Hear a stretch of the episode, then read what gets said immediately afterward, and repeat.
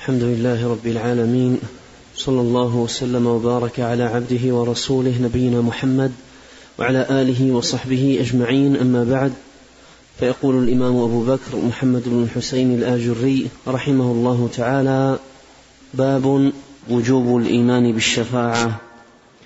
قال محمد بن الحسين رحمه الله اعلموا رحمكم الله أن المنكر للشفاعة يزعم أن من دخل النار فليس بخارج منها.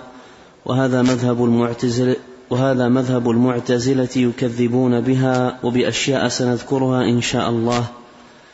مما لها أصل في كتاب الله عز وجل وسنن رسول الله صلى الله عليه وسلم وسنن الصحابة رضي الله عنهم ومن تبعهم بإحسان وقول فقهاء المسلمين. فالمعتزلة يخالفون هذا كله لا يلتفتون إلى سنن الرسول صلى الله عليه وسلم ولا إلى سنن أصحابه وإنما يعارضون بمتشابه القرآن وبما أراهم العقل عندهم. وليس هذا طريق المسلمين إنما هذا طريق من قد زاغ عن طريق الحق قد لعب به الشيطان. قد حذرنا الله عز وجل من هذا, من هذا صفته وحذرناهم النبي صلى الله عليه وسلم وحذرناهم أئمة المسلمين قديما وحديثا. فأما ما حذرناهم الله عز وجل وأنزله على نبيه صلى الله عليه وسلم وحذرناهم النبي صلى الله عليه وسلم فإن الله عز وجل قال لنبيه هو الذي أنزل عليك الكتاب منه آيات محكمات هن أم الكتاب وأخر متشابهات. إلى قوله وما يذكر إلا أولو الألباب. بسم الله الرحمن الرحيم. الحمد لله رب العالمين وأشهد أن لا إله إلا الله وحده لا شريك له وأشهد أن محمدا عبده ورسوله صلى الله وسلم عليه وعلى آله وأصحابه أجمعين. اللهم علمنا ما ينفعنا وانفعنا بما علمتنا وزدنا علما وأصلح لنا شأننا كله ولا تكلنا إلى أنفسنا طرفة عين. اللهم آت نفوسنا تقواها وزكها. أنت خير من زكاها. أنت وليها ومولاها. أما بعد قال المصنف الإمام الآجري رحمه الله تعالى باب وجوب الإيمان بالشفاعة. الشفاعة حق دلت عليها الدلائل الكثيرة. دل عليها كتاب الله عز وجل ودلت عليها الأحاديث الكثيرة الصحيحة الثابتة عن نبينا الكريم عليه الصلاة والسلام. ولا خلاف بين أهل العلم أهل الحق في إثباتها. فالشفاعة مجمع على ثبوتها لا خلاف بين أهل العلم في ذلك. لكن كما قال المصنف رحمه الله تعالى فإن الزائغين عن طريق الهدى ممن يحكمون عقولهم ويعولون على آرائهم كذبوا بالشفاعة. وصارت طريقتهم في هذا الباب طريقة أهل الزيغ الذين ذكرهم الله سبحانه وتعالى في قوله فأما الذين في قلوبهم زيغ فيتبعون ما تشابه منه ابتغاء الفتنة وابتغاء تأويله. فعمد هؤلاء إلى آيات أنزلها الله تبارك وتعالى في الكفار كقوله فما تنفعهم شفاعة الشافعين وأنزلوها في عصاة الموحدين. أنزلوها في عصاة الموحدين. فكذبوا بالشفاعة. كذبوا بالشفاعة. وزعم هؤلاء الضلال أن كل من دخل النار لا يخرج منها. استدلوا لذلك بآيات جاءت في حق الكفار وما هم بخارجين من النار وأنزلوها في عصاة الموحدين وكذبوا بالنصوص الكثيرة الصريحة الصحيحة في خروج عصاة الموحدين من النار. برحمة أرحم الراحمين وبتكريمه سبحانه وتعالى للشافعين من الأنبياء والملائكة وعباده تبارك وتعالى الصالحين. فعقد رحمه الله تعالى هذه الترجمة لبيان أن الشفاعة حق وأن المنكرين إنما هم أهل زيغ وضلال يتبعون ما تشابه من القرآن ابتغاء الفتنة وابتغاء تأويله. وذكر رحمه الله تعالى هذه الآية الكريمة المشتملة على التحذير من طريق هؤلاء وهي قول الله سبحانه وتعالى في سورة آل عمران هو الذي أنزل عليك الكتاب. منه آيات محكمات هن أم الكتاب وأخر متشابهات. فأما الذين في قلوبهم زيغ فيتبعون ما تشابه منه ابتغاء الفتنة وابتغاء تأويله وما يعلم تأويله إلا الله. والراسخون في العلم يقولون آمنا به كل من عند ربنا. وفي هذه الآية الكريمة ذكر ربنا سبحانه وتعالى أن القرآن منه آيات محكمات المراد بالإحكام وضوح المعنى وجلائه وظهوره ومنه آيات متشابهات والمراد بالتشابه خفاء المعنى. وذكر سبحانه وتعالى طريقة الراسخين في العلم أنهم يؤمنون بالمحكم والمتشابه لأنه كله من عند الله لا يؤمنون ببعض ويكذبون ببعض كما هي طريقة أهل الضلال بل يؤمنون بالمحكم والمتشابه وما تشابه من آيات كتاب الله عليهم ردوه إلى المحكم فينجلي التشابه برد المتشابه إلى المحكم. وهذه طريقة أهل العلم لأن القرآن فيه آيات محكمات وصفها الله بقوله هن أم الكتاب في في فإليها المرجع وعليها المعول وما تشابه من آي الكتاب. إذا أعيد إلى المحكم منه زال التشابه. ولهذا أهل العلم هذه طريقتهم. أما أهل الزيغ فيتبعون ما تشابه منه ابتغاء الفتنة. يعني قام أصلا في قلوبهم فتنة وتصورات فاسدة وعقائد منحرفة فيتبعون المتشابه من آي كتاب الله سبحانه وتعالى ليطوعوه إلى مذاهبهم الفاسدة وعقائدهم الباطلة. ولهذا من يستدلون بالقرآن على طريقتين. الأولى طريقة أهل الحق. يطلب الهدى من القرآن. إن هذا القرآن يهدي للتي هي أقوى. يطلب هداه من القرآن. ويأخذ عقيدته ابتداء من القرآن. الطريقة الثانية طريقة أهل الزيغ. وهم من قامت في قلوبهم أصلا تصورات وعقائد مسبقة ثم يأتي للقرآن من أجل أن يطوع بعض آيات القرآن لعقيدته وأن يحملها على نحلته وضلالته ومذهبه. هذه طريقة أهل الزيغ الذين حذرنا الله سبحانه وتعالى منهم. طريقة هؤلاء أنه يعتقد أولا ثم يستدل.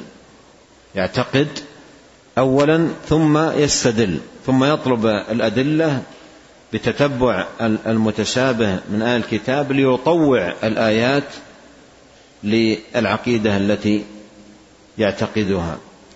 فهو يعتقد أولا ثم يستدل بعد ذلك. أما أصحاب الحق والهدى فإنهم ابتداء يطلبون هداهم من كتاب الله.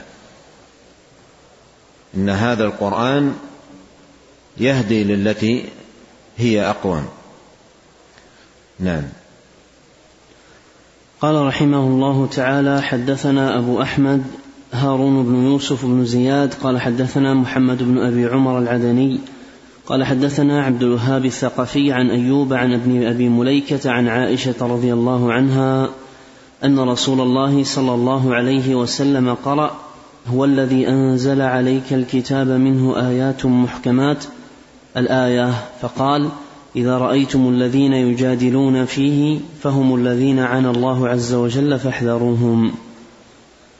قال وحدثنا أبو بكر ابن أبي داود قال حدثنا يونس بن حبيب الأصبهاني قال حدثنا أبو داود الطيالسي قال أخبرنا حماد عن ابن سلمة عن ابن أبي مليكة عن القاسم عن عائشة رضي الله عنها قالت تلا رسول الله صلى الله عليه وسلم هذه الآية هو الذي أنزل عليك الكتاب منه آيات محكمات إلى قوله عز وجل فأما الذين في قلوبهم زيغ فيتبعون ما تشابه منه.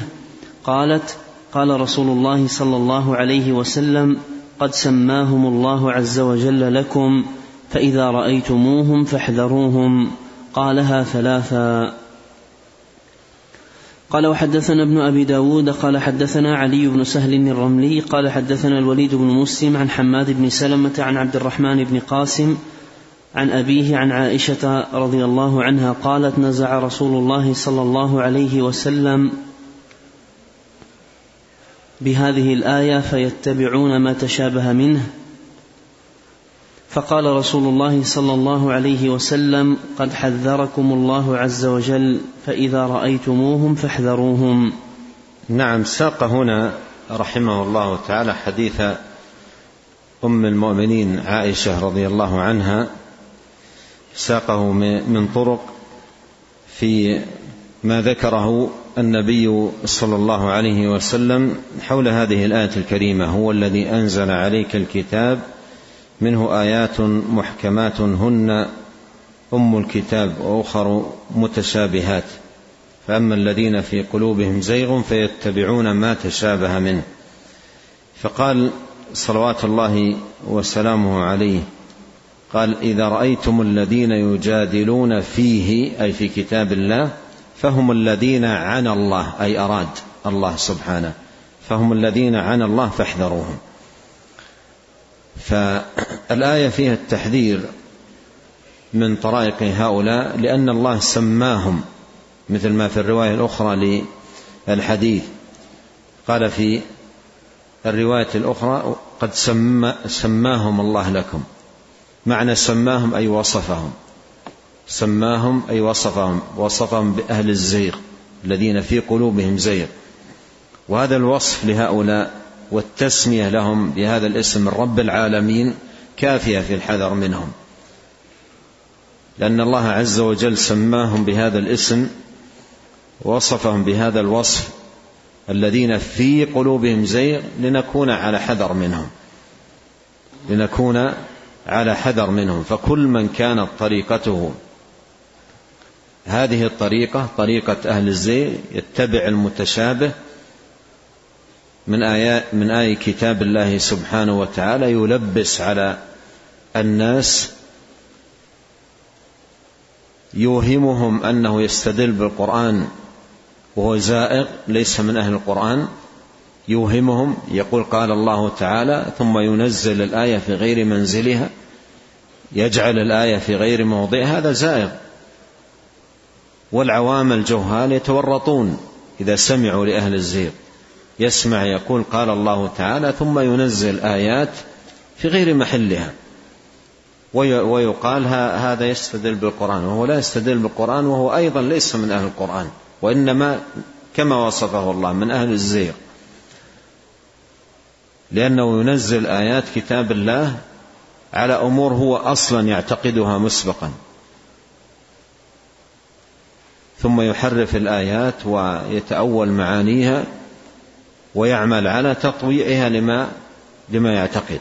فوصف هؤلاء بهذه الصفة أهل الزيغ أي قلوبهم حرفة بعيدة عن صراط الله المستقيم يستوجب بعد المرء عن هؤلاء وحذره من من هؤلاء مجانبته لطريق هؤلاء. كما قال نبينا عليه الصلاة والسلام فاحذروهم قالها ثلاثا. فاحذروهم أي كونوا على حذر تام من هؤلاء ومجانبة تامة لسماع أقاويلهم. نعم. قال رحمه الله تعالى حدثنا أبو محمد الحسن بن علو قال حدثنا أبو محمد الحسن بن علوية القطان قال حدثنا عاصم بن علي قال حدثنا الليث بن سعد عن يزيد بن أبي حبيب عن بكير بن عبد الله بن الأشج أن عمر بن الخطاب رضي الله عنه قال إن ناسا يجادلونكم بشبيه القرآن فخذوهم بالسنن فإن أصحاب السنن أعلم بكتاب الله عز وجل. ثم أورد رحمه الله تعالى هذا الأثر العظيم عن الخليفة عمر بن الخطاب رضي الله عنه وأرضاه أنه قال إن ناسا يجادلونكم بشبيه القرآن أو شبه القرآن. المراد بذلك متشابه القرآن. ما ذكره الله في قوله منه آيات آه، محكمات هن أم الكتاب وأخر متشابهات. فيقول سيأتي أقوام يجادلونكم بالمتشابه. المتشابه من القرآن. الآيات التي هي آيات آه، متشابهة أي في معناها. فإن فخذوهم بالسنن. يعني إذا رأيتم هؤلاء فخذوهم بالسنن. والمراد بالسنن أي الأحاديث الصحيحة الثابتة عن نبينا عليه الصلاة والسلام. وكذلك الآثار المروية عن الصحب الكرام رضي الله عنهم وأرضاهم الذين فقهوا التنزيل وشهدوا التنزيل. معنى خذوهم بالسنن أي احتجوا عليهم بالسنن لأن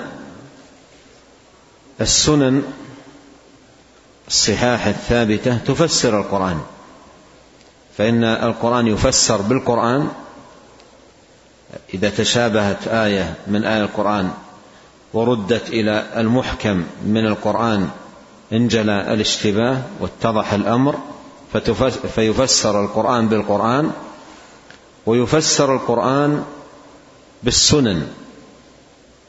السنن الأحاديث الثابتة عن النبي الكريم عليه الصلاة والسلام. وسيأتي معنا مثال عملي لهذه الطريقة من فعل جابر بن عبد الله رضي الله عنه في من جادل بالقرآن منزلا له في غير منزلته فاحتج عليه بالسنن وانجل الأمر. قال جادلوهم بالسنن. أوردوا لهم الأحاديث الصحاح الثابتة عن رسول الله صلى الله عليه وسلم التي تكشف الأمر وتبينه فهذه هذا منهج عظيم ذكره عمر بن الخطاب رضي الله عنه قال إن أناسا يجادلونكم بشبيه القرآن متشابه القرآن فخذوهم بالسنن فإن أصحاب السنن أعلم بكتاب الله. فإن أصحاب السنن أعلم بكتاب الله لأن هذه أصح وأسلم طريقة في تفسير القرآن أن يفسر القرآن بالقرآن وأن يفسر بأحاديث الرسول الكريم عليه الصلاة والسلام وأن يفسر بأقاويل الصحابة رضي الله عنهم الذين شهدوا التنزيل. بل إن جانبا من أقاويل الصحابة رضي الله عنهم في التفسير حكم أهل العلم فيه بأنه له حكم الرفع أي إلى الرسول عليه الصلاة والسلام وذلك ما كان ما ليس للرأي فيه مجال. فالحاصل أن هذه طريقة سديدة وعظيمة أرشد إليها عمر بن الخطاب رضي الله عنه وأرضاه. نعم. قال رحمه الله تعالى وأخبرنا أبو عبيد علي بن الحسين بن حرب القاضي قال حدثنا الحسن بن محمد الزعفراني قال حدثنا سعيد بن سليمان قال حدثنا عبد الواحد بن سليم قال حدثنا يزيد الفقير قال كنا بمكة من قطانها وكان معي أخ لي يقال له طلق بن حبيب وكنا, وكنا نرى رأي الحرورية فبلغنا أن جابر بن عبد الله الأنصاري رضي الله عنهما قدم وكان يلزم في كل موسم. فأتيناه فقلنا له بلغنا عنك قول في الشفاعة وقول الله عز وجل يخالفك. فنظر في وجوهنا وقال من أهل العراق أنتم؟ فقلنا نعم فتبسم أو ضحك. وقال أين تجدون في كتاب الله عز وجل؟ قلنا حيث يقول ربنا عز وجل في كتابه ربنا إنك من تدخل النار فقد أخزيته. وما للظالمين من أنصار وقال عز وجل يريدون أن يخرجوا من النار وما هم بخارجين منها وقوله عز وجل كلما ارادوا ان يخرجوا منها من غم اعيدوا فيها واشبه هذا من القران واشباه هذا من القران فقال أنتم اعلم بكتاب الله عز وجل ام انا فقلنا بل انت اعلم به منا قال فوالله لقد شهدت تنزيل هذا على رسول الله صلى الله عليه وسلم ولقد شهدت تأويله من رسول الله صلى الله عليه وسلم. جادلوه بالقرآن فأخذهم بالسنن. جادلوا بالقرآن يعني جاءوا بهذه الآيات أنزلوها في غير منازلها وحملوها على غير محاملها. فجادلهم رضي الله عنه بالسنن. قال قد شهدت تنزيل هذا على رسول الله. صلى الله عليه وسلم. ولقد شهدت تأويله أي تفسيره من رسول الله صلى الله عليه وسلم. نعم. قال ولقد شهدت تأويله من رسول الله صلى الله عليه وسلم وإن الشفاعة في كتاب الله عز وجل لمن عقل. وإن الشفاعة في كتاب الله لمن عقل. هنا أيضا تفسير للقرآن بالقرآن توضيح لآيات القرآن بآيات أخرى من كتاب الله عز وجل. فما تشابه من آي الكتاب يرد إلى المحكم فينجلي ما فيه من تشابه. نعم. قلنا وأين الشفاعة؟ قال في سورة المدثر قال فقرأ علينا ما سلككم في سقر قالوا لم نك من المصلين ولم نك نطعم المسكين وكنا نخوض مع الخائضين وكنا نكذب بيوم الدين حتى أتانا اليقين فما تنفعهم شفاعة الشافعين. هذا قول الله في من يكذب بيوم الدين الكفار المشركين الذين لا لا يؤمنون. قال فما تنفعهم شفاعة الشافعين؟ فهذا حكم خاص بهؤلاء فما تنفعهم شفاعة الشافعين. أما الموحد العاصي فحكمه آخر. تنفعه الشفاعة كما دلت على ذلك الدلائل الكثيرة. نعم. ثم قال ألا ترونها حلت لمن لم يشرك بالله عز وجل شيئا؟ سمعت رسول الله صلى الله عليه وسلم يقول إن الله عز وجل هذا الآن الأخذ بالسنن. يعني جاء بحديث يبين أن الشفاعة ثابتة عن نبينا الكريم عليه الصلاة والسلام. نعم. سمعت رسول الله صلى الله عليه وسلم يقول إن الله عز وجل خلق الخلق ولم يستعن على ذلك أحدا ولم يشاور فيه أحدا ثم أماتهم ولم يستعن على ذلك أحدا ولم يشاور فيه أحدا ثم أحياهم ولم يستعن على ذلك أحدا ولم يشاورها فأدخل من شاء الجنة برحمته وأدخل من شاء النار بذنبه. ثم إن الله عز وجل تحنن على الموحدين فبعث بملك من قبله بماء ونور فدخل النار فنضح فلم يصب إلا من شاء الله ولم يصب إلا من خرج من الدنيا ولم يشرك بالله شيئا.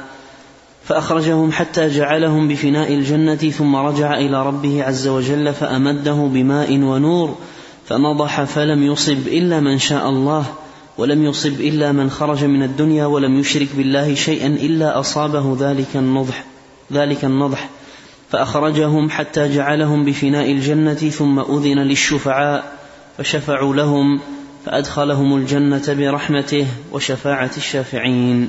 احتج عليهم رضي الله عنه وأرضاه بالسنن وأنه شهد التنزيل وسمع من النبي الكريم عليه الصلاة والسلام تأويل أي تفسير هذه النصوص. وسمع منه عليه الصلاة والسلام ما يتعلق بالشفاعة للعصاة وأنهم يخرجون من النار.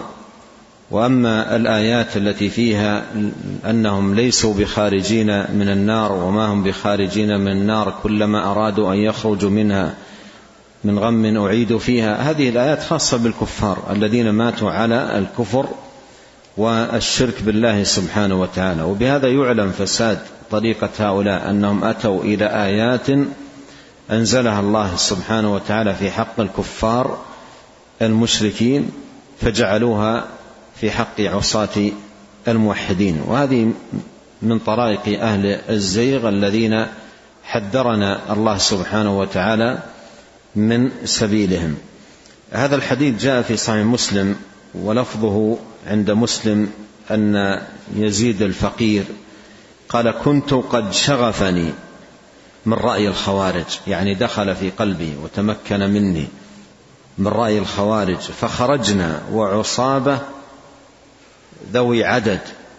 نريد أن نحج ثم نخرج على الناس. يعني عقدوا العزم على أن يحجوا ثم بعد الحج يخرجوا على الناس قال فمررنا بالمدينة. فإذا جابر بن عبد الله رضي الله عنه وأرضاه يحدث القوم جالس إلى سارية أي من سواري مسجد النبي الكريم عليه الصلاة والسلام.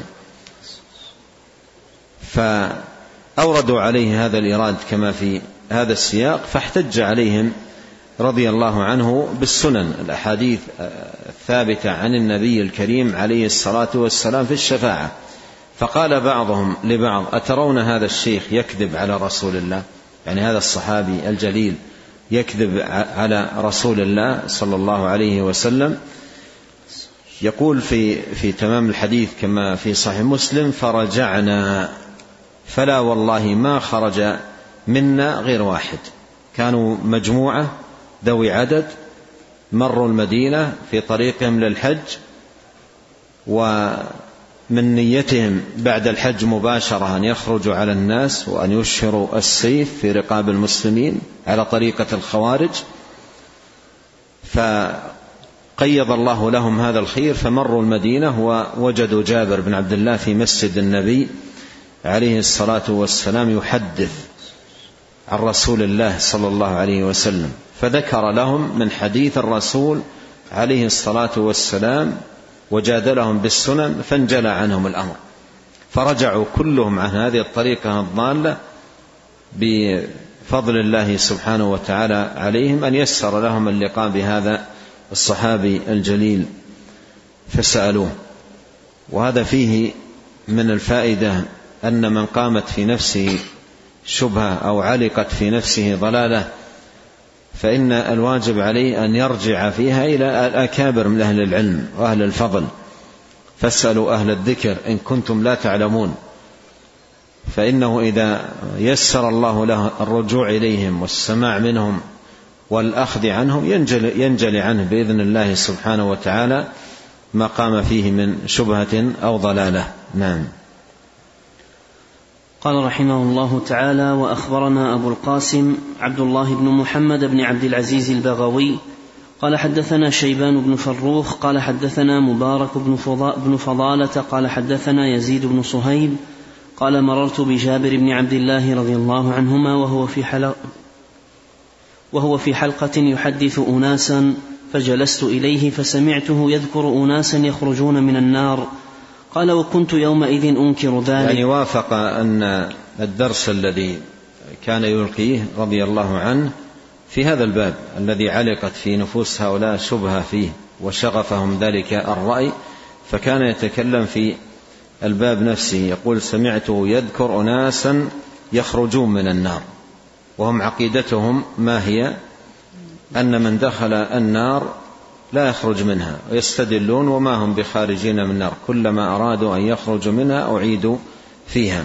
هذه آيات في الكفار أنزلوها على عصاة آه، الموحدين وصار حكمهم في كل من دخل النار أنه لا يخرج من النار ويبقى فيها أبد الآباد.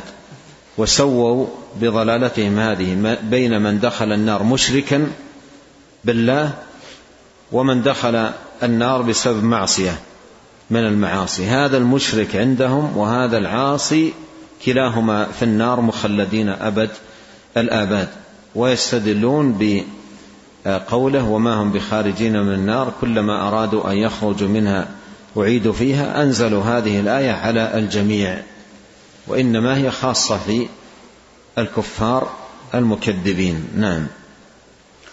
قال وكنت يومئذ أنكر ذلك. قال فقلت والله ما أعجب من الناس ولكن أعجب منكم أصحاب رسول الله صلى الله عليه وسلم. يقول الله عز وجل يريدون أن يخرجوا من النار وما هم بخارجين منها ولهم عذاب مقيم. فانتهرني أصحابه وكان أحلمهم. انتهرني أصحابه لأنه تكلم في مجلس العلم بكلام باطل واعتراض وجرأة على آه، العلم ومقام العلم وعلى النصوص. فانتهروا أصحاب جابر رضي الله عنه. قال وكان أحلمهم أي جابر رضي الله عنه. أدرك أن الرجل فيه شبهة وبحاجة إلى أن يلاين ويبين له عسى أن تنجلي عنه. نعم. قال فانتهرني أصحابه وكان احلمهم فقال دعوا الرجل. ثم قال إنما قال الله عز وجل كما قال إن الذين كفروا لو أن لهم ما في الأرض جميعا ومثله معه ليفتدوا بيوم القيامة ما تقبل منهم ولهم عذاب أليم. يريدون أن يخرجوا من النار وما هم بخارجين منها ولهم عذاب مقيم. نعم. وما هم بخارجين منها أي الذين كفروا. الآية في الكفار. فكيف تنزل في عصاة الموحدين الذين جاءت النصوص الصحيحة الصريحة الثابتة في أنهم يخرجون من النار يخرج من النار يقول عليه الصلاة والسلام يخرج من النار من كان في قلبه أدنى مثقال ذرة من إيمان.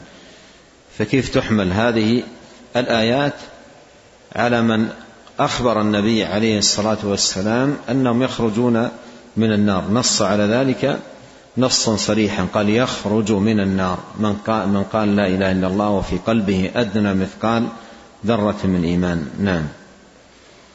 قال اوما تقرأ القرآن ومن الليل فتهجد به نافلة لك عسى أن يبعثك ربك مقاما محمودا. هذه الآية في الشفاعة. المقام المحمود هو الشفاعة. فسر فسر النبي عليه الصلاة والسلام المقام المحمود بالشفاعة. نعم. قال فإن الله عز وجل عذب قوما بخطاياهم فإن شاء أن يخرجهم أخرجهم. قال فلم أكذب فلم أكذب به بعد ذلك. قول جابر رضي الله عنه فإن شاء أن يخرجهم أخرجهم. هذا مأخوذ من القرآن. في قول الله سبحانه وتعالى إن الله لا يغفر أن يشرك به ويغفر ما دون ذلك لمن يشاء. ولهذا جابر رضي الله عنه يقول فإن شاء أن يخرجهم أخرجهم. لأن الكفار حكم الله في الآية بأن بأنهم لا مطمع لهم في المغفرة إطلاقا. من مات كافرا مشركا بالله لا مطمع, لا مطمع له في المغفرة إطلاقا. إن الله لا يغفر. أن يشرك به يعني في حق من مات على ذلك. أما ما دون الشرك من المعاصي فقد قال الله سبحانه وتعالى ويغفر ما دون ذلك لمن يشاء. ويغفر ما دون ذلك لمن يشاء. نعم. قال فلم آه، أكذب به بعد ذلك. يعني لم أكذب بهذا الأمر بعد ذلك يعني بعد أن اتضح وجاء في لفظ مسلم فرجعنا أي كل المجموعة المجموعة الذين كانوا معه كلهم رجعوا إلا شخص واحد. نعم. قال محمد بن الحسين رحمه الله تعالى إن المكذب بالشفاعة أخطأ في تأويله خطأ فاحشا خرج به عن الكتاب والسنة وذلك أنه عمد إلى آيات من القرآن نزلت في أهل الكفر. أخبر الله عز وجل أنهم إذا دخلوا النار أنهم غير خارجين منها فجعلها المكذب بالشفاعة في الموحدين. ولم يلتفت إلى أخبار رسول الله صلى الله عليه وسلم في إثبات الشفاعة أنها إنما هي لأهل الكبائر والقرآن يدل على هذا فخرج بقوله السوء عن جملة ما عليه أهل الإيمان واتبع غير سبيلهم. قال الله عز وجل ومن يشاقق الرسول من بعد ما تبين له الهدى ويتبع غير سبيل المؤمنين نوله ما تولى ونصله جهنم وساءت مصيرا. نعم يعني انتبه هنا إلى أمرين. قوله رحمه الله ولم يلتفت إلى إخبار رسول الله صلى الله عليه وسلم في إثبات الشفاعة أنها إنما هي لأهل الكبائر هذا ثبت بالأحاديث الصحيحة. هذا الأول. الثاني يقول رحمه الله تعالى والقرآن يدل على هذا. والقرآن يدل على هذا. القرآن في مواضع كثيرة يدل على هذا مثل الآية التي أشرت إليها وهي قوله ويغفر ما دون ذلك لمن يشاء. مثل فما تنفعهم شفاعة الشافعين هذا الذي يكذب بيوم الدين. إذا هناك صنف آخر. ماذا؟ تنفعهم شفاعة الشافعين. هؤلاء مكذبين بيوم الدين. ما تنفعهم شفاعة الشافعين. فمفهوم الآية أن صنفا آخر من الناس يأتون بالذنوب والمعاصي التي دون الكفر دون التكذيب بيوم الدين فتنفعهم الشفاعة. فشفاعة الشافعين لا تنفع هذا الصنف الذين هم الكفار المكذبين بيوم الدين. أما من سواهم فإن آه، الشفاعة تنفعهم. فالقرآن دل على ذلك والسنة جاءت مصرحة بذلك أحاديث صحة وسيسوق المصنف لاحقا آه، جملة منها. نعم.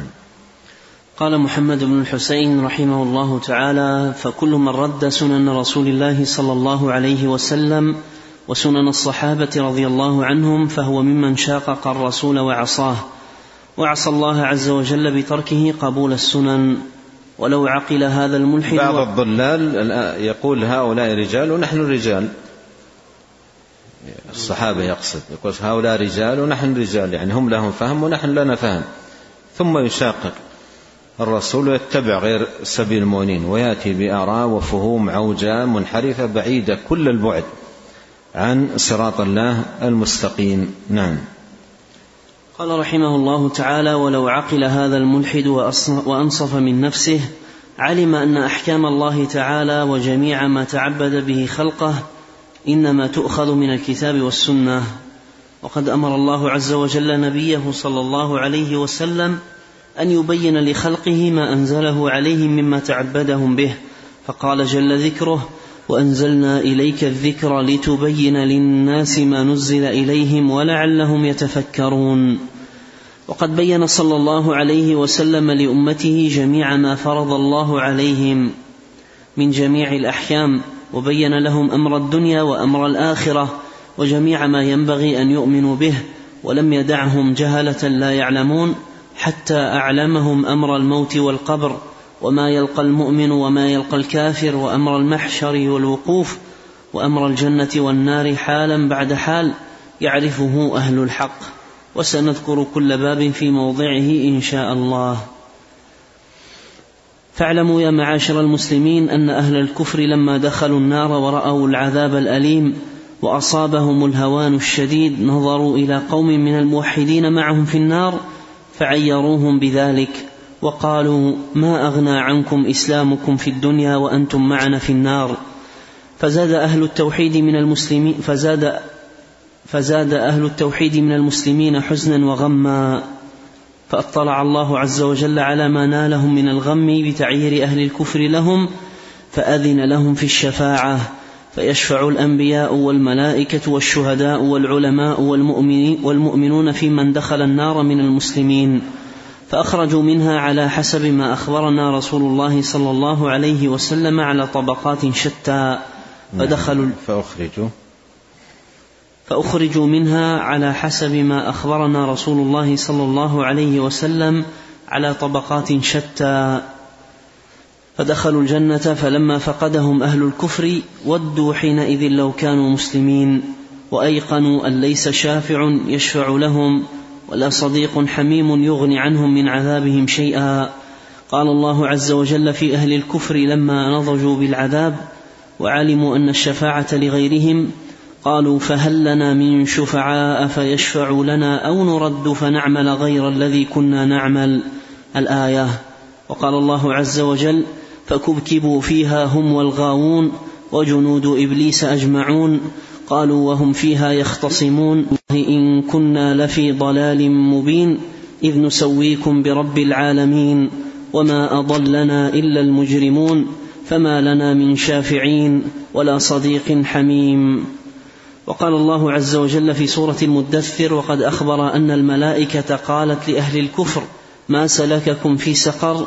قالوا لم نك من المصلين ولم نك نطعم المسكين. وكنا نخوض مع الخائضين وكنا نكذب بيوم الدين حتى أتانا اليقين فما تنفعهم شفاعة الشافعين. قال محمد بن الحسين رحمه الله هذه كلها أخلاق الكفار. فقال عز وجل فما تنفعهم شفاعة الشافعين. فدل على أن فدل على أن لا بد من شفاعة وأن الشفاعة لغيرهم لأهل التوحيد خاصة.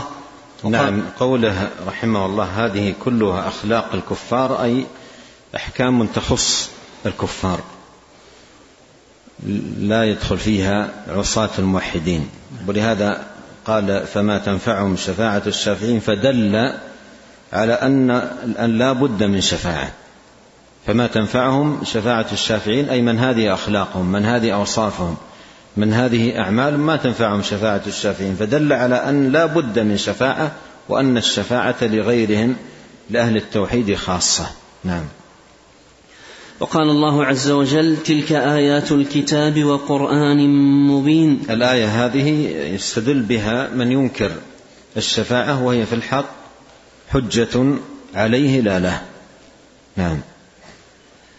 وقال الله عز وجل تلك آيات الكتاب وقرآن مبين ربما يود الذين كفروا لو كانوا مسلمين. قال محمد بن الحسين رحمه الله وإنما يود الكفار لو كانوا مسلمين عندما رأوا معهم في عندما رأوا من معهم في النار أو عندما رأوا معهم في النار قوما من الموحدين فعيروهم وقالوا ما أغنى عنكم إسلامكم وأنتم معنا في النار.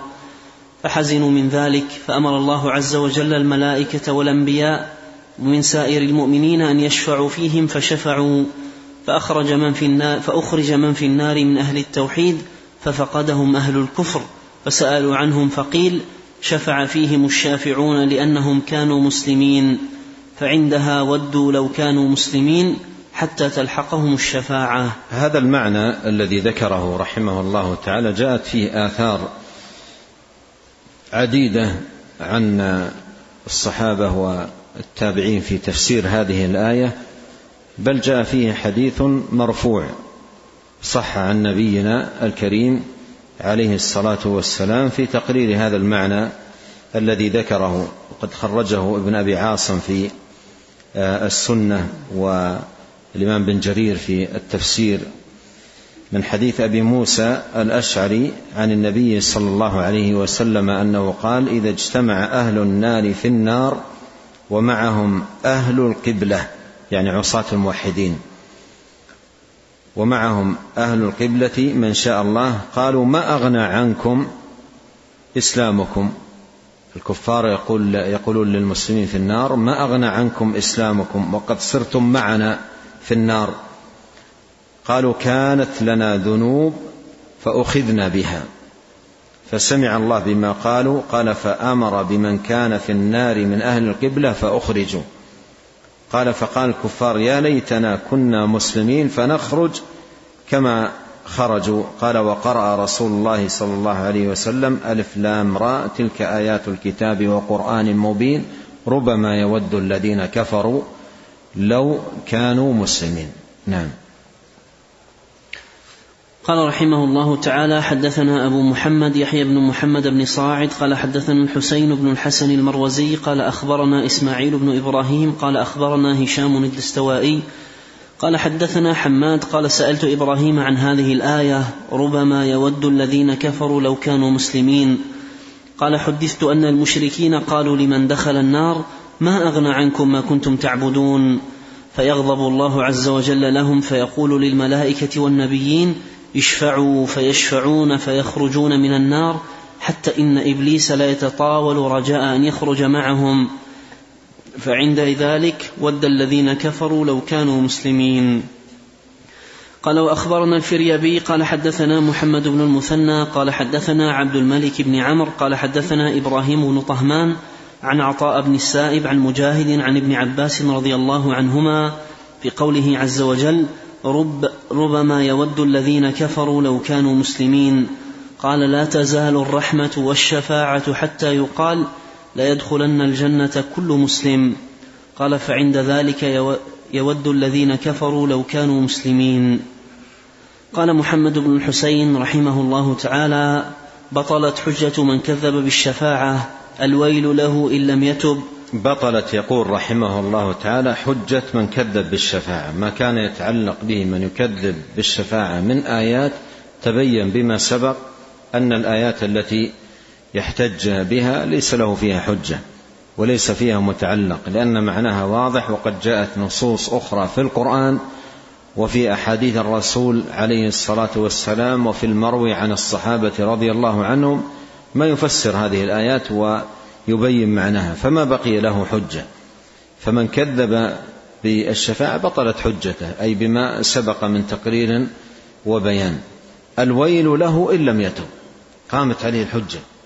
الويل له إن لم يتب. ثم نقل أثرا عظيما في هذا المعنى عن أنس بن مالك رضي الله عنه. نعم. وقد روي عن أنس بن مالك رضي الله عنه قال من كذب بالشفاعة فليس له فيها نصيب. قال أخبرنا أبو جعفر محمد بن صالح بن ذريح العكبري قال حدثنا هناد بن السري قال حدثنا أبو معاوية عن عاصم عن أنس بن مالك رضي الله عنه قال من كذب بالشفاعة فليس له فيها نصيب. نعم ختم بهذا الأثر عن أنس رضي الله عنه. من كذب بالشفاعة فليس له فيها نصيب لأنه مكذب بها غير مؤمن بها فلا نصيب له. ومثل هذا أيضا قال العلماء رحمهم الله في الحوض وفي غيره قال من كذب بالحوض حري أن لا يشرب منه. كذلك من يكذب والعياذ بالله بالرؤية رؤية الله سبحانه وتعالى فلا يقوم في قلبه طمع فيها أصلا فحري به أن يكون محروما. وهذه المعاني جاءت لها نظائر كثيرة عن أئمة السلف رحمهم الله. وهذا أيضا يفيدنا خطورة العقائد الباطلة على أصحابها وانها من موجبات الحرمان وأسباب الخسران في الدنيا والآخرة. نعوذ بالله من موجبات غضبه جل في علاه. نسأله سبحانه أن يصلح لنا ديننا الذي هو عصمة أمرنا وأن يصلح لنا دنيانا التي فيها معاشنا وأن يصلح لنا آخرتنا التي فيها معادنا. وأن يجعل الحياة زيادة لنا في كل خير والموت راحة لنا. من كل شر اللهم اغفر لنا ولوالدينا ولمشايخنا ولولاة أمرنا وللمسلمين والمسلمات والمؤمنين والمؤمنات الأحياء منهم والأموات. اللهم اقسم لنا من خشيتك ما يحول بيننا وبين معاصيك من طاعتك ما تبلغنا به جنتك ومن اليقين ما تهون به علينا مصائب الدنيا. اللهم متعنا بأسماعنا وأبصارنا وقوتنا ما أحييتنا واجعله الوارث منا واجعل ثأرنا على من ظلمنا وانصرنا على من عادانا ولا تجعل مصيبتنا في ديننا ولا تجعل الدنيا أكبر همنا ولا مبلغ علمنا ولا تسلط علينا من لا يرحمنا. سبحانك اللهم وبحمدك أشهد أن لا إله إلا أنت أستغفرك وأتوب إليك. اللهم صل وسلم على عبدك ورسولك. نبينا محمد وآله وصحبه. جزاكم الله خيرا.